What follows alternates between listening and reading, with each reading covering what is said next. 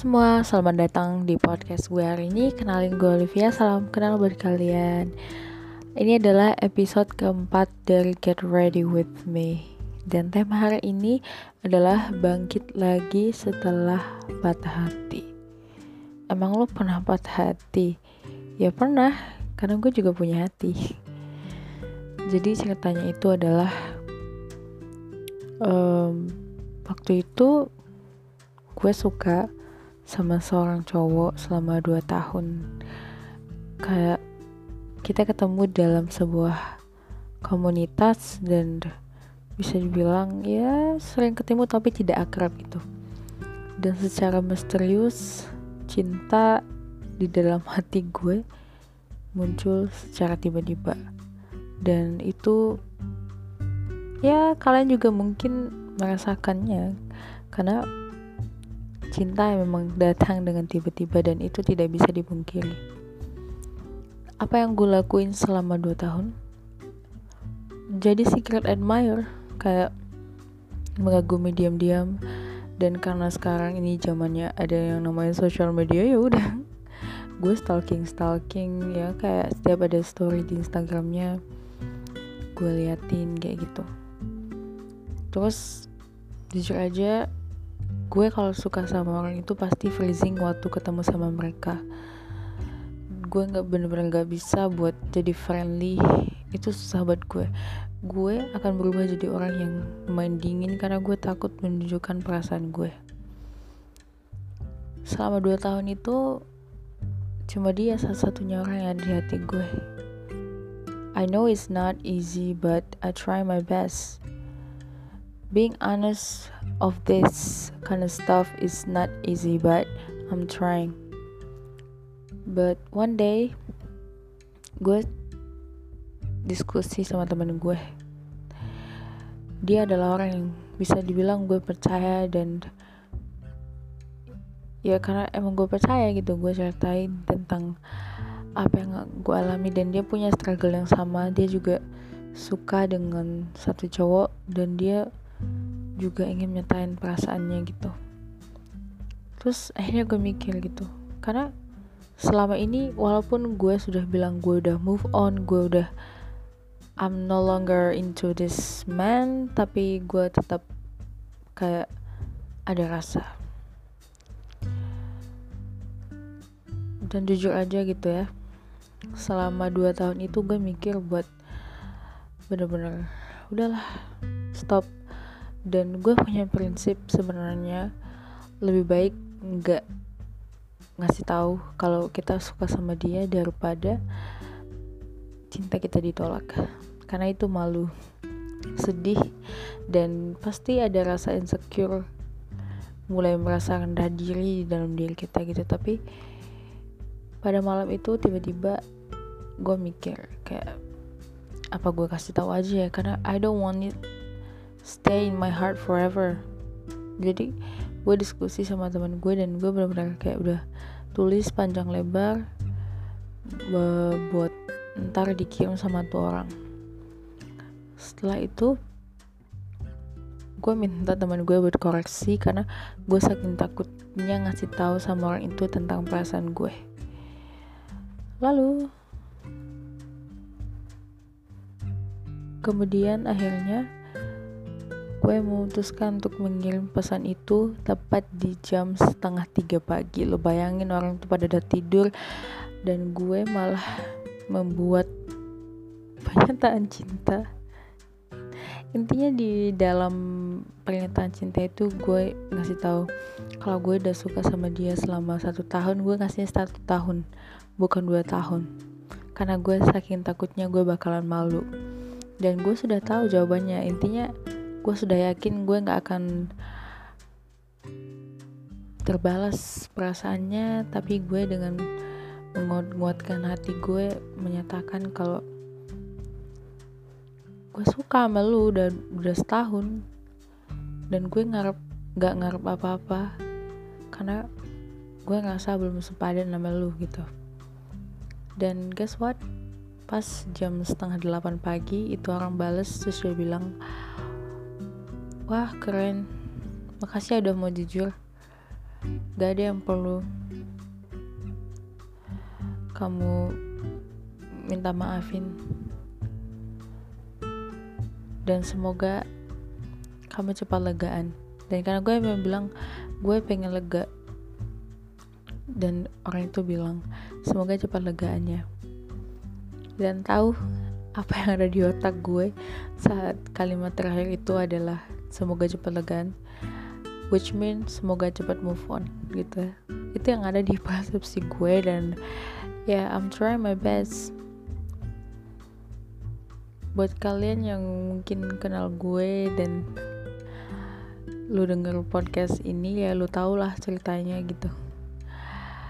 Awalnya sih kayak sedih gitu. Lu udah baru pertama kali nih ya nyatain perasaan lu tuh ya.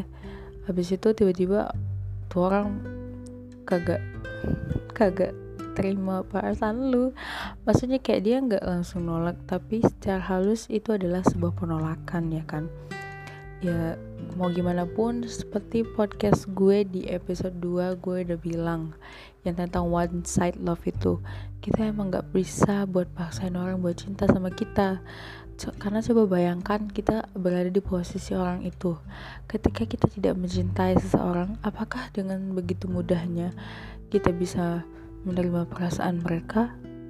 Enggak kan? Sama seperti itu dan itu adalah benar-benar sebuah hal yang harus kita pertimbangkan gitu.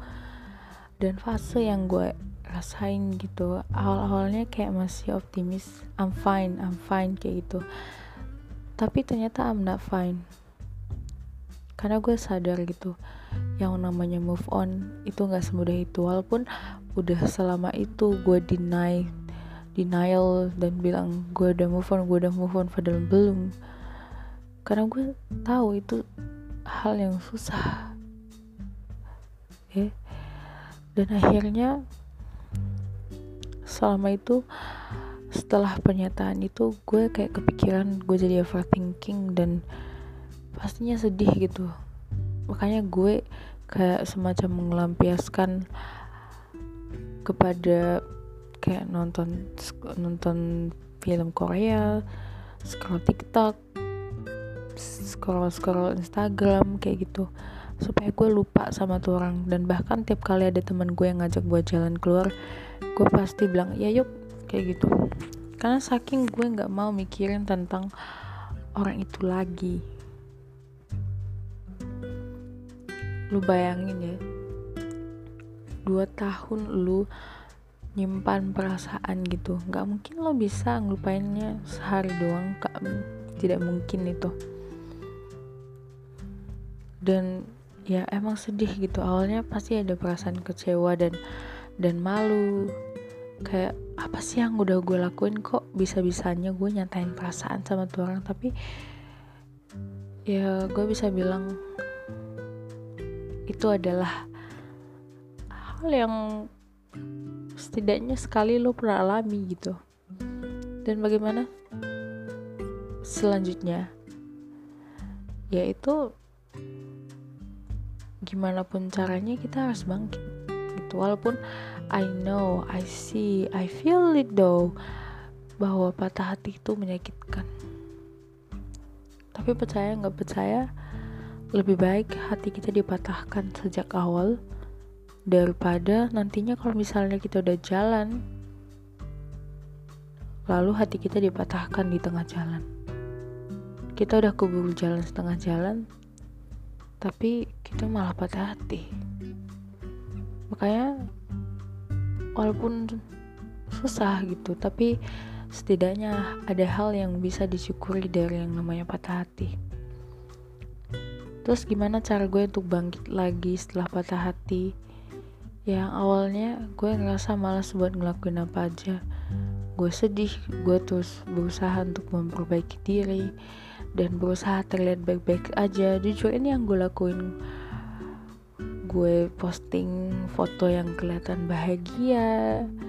Terus gue juga ngelakuin sesuatu yang menurut gue bisa membuat gue terlihat baik-baik aja gitu. Padahal gue sebenarnya nggak baik-baik aja dan gue sadar itu bukan hal yang baik gitu. Dengan menutupi perasaan ataupun kesedihan yang sebenarnya gue alami gitu. Jadi gue bisa saranin karena gue ngerasain hal ini. Kalau bisa juga saran ya carilah orang yang benar-benar bisa kalian percaya untuk cerita tentang perasaan kalian. Jangan dipendam sendiri. Nanti kalian jadi sakit sendiri. Kalian bisa nyakitin diri kalian sendiri. Karena benar-benar udah rasa sedih ya jadi gue ceritain aja semua sama temen gue yang bisa gue percaya tentang apa yang gue rasain selama proses move on ini gitu. Dan juga gue benar-benar kayak berusaha untuk mengalihkan perhatian gue gitu. Dan dari sini gue juga lebih belajar untuk mencintai diri gue sendiri untuk menemukan kekuatan yang ada di dalam diri gue. Kelebihan-kelebihan yang harus gue asah. Jadi gue kayak semacam menemukan jalan untuk find my inner power power inner strength. Ya walaupun tidak mudah tapi percayalah gitu. Semuanya akan berlalu. Seperti waktu nggak ada yang akan tetap sama. Nggak mungkin selamanya kalian patah hati. Gitu. Dan yakin bahwa suatu saat akan ada pada waktu yang tepat waktunya Tuhan kalian bakalan nemuin seseorang yang layak untuk mendapatkan cinta kalian gitu. Dan satu yang mau gue bilang gitu walaupun hati lu patah lu ngerasa sakit kecewa lu ngerasa insecure dan tidak percaya diri dengan diri lu sendiri. Satu hal yang mau gue bilang kalau lu itu adalah seorang yang berharga gitu. Dengan patah hati itu tidak akan mengurangi nilai dari lu sebagai makhluk yang berharga. Justru itu akan membuat kita untuk lebih bisa mengenali diri kita. Walaupun awal-awalnya kita nggak bisa menerima kenyataan bahwa kita harus mengalami patah hati gitu. Dan pada akhirnya setelah mengalami semua ini gue mikir kalau oh mungkin ini adalah jalan gue untuk menemukan seseorang yang layak untuk mendapat cinta gue gitu. Jangan pernah ngerasa insecure atau gak berharga. Cuma karena kalian patah hati. Gue ngerti gak mudah untuk menerimanya setelah itu. Tapi semua itu akan berlalu pada saatnya. Walaupun itu rasa sakit tapi kita bisa toleransi itu. Karena itu adalah bagian dari hidup. Intinya adalah kalau kalian mau move on dari rasa patah hati itu kalian harus punya yang namanya kemauan desire dari dalam diri kalian. Sehingga kalian bisa benar-benar buat move on dari orang itu. Walaupun tidak mudah pasti bisa dilewati okay? kalau begitu sampai di sini aja podcast gue hari ini gue harap buat kalian yang mungkin patah hati saat ini setelah mendengar podcast gue ini kalian bisa menemukan insight yang akan membantu kalian untuk benar-benar bisa move on walaupun butuh waktu yang tidak singkat tapi yakinlah kalau kalian pasti bisa. Oke sampai di sini aja. Terima kasih yang udah dengerin podcast gue sampai di sini. Bye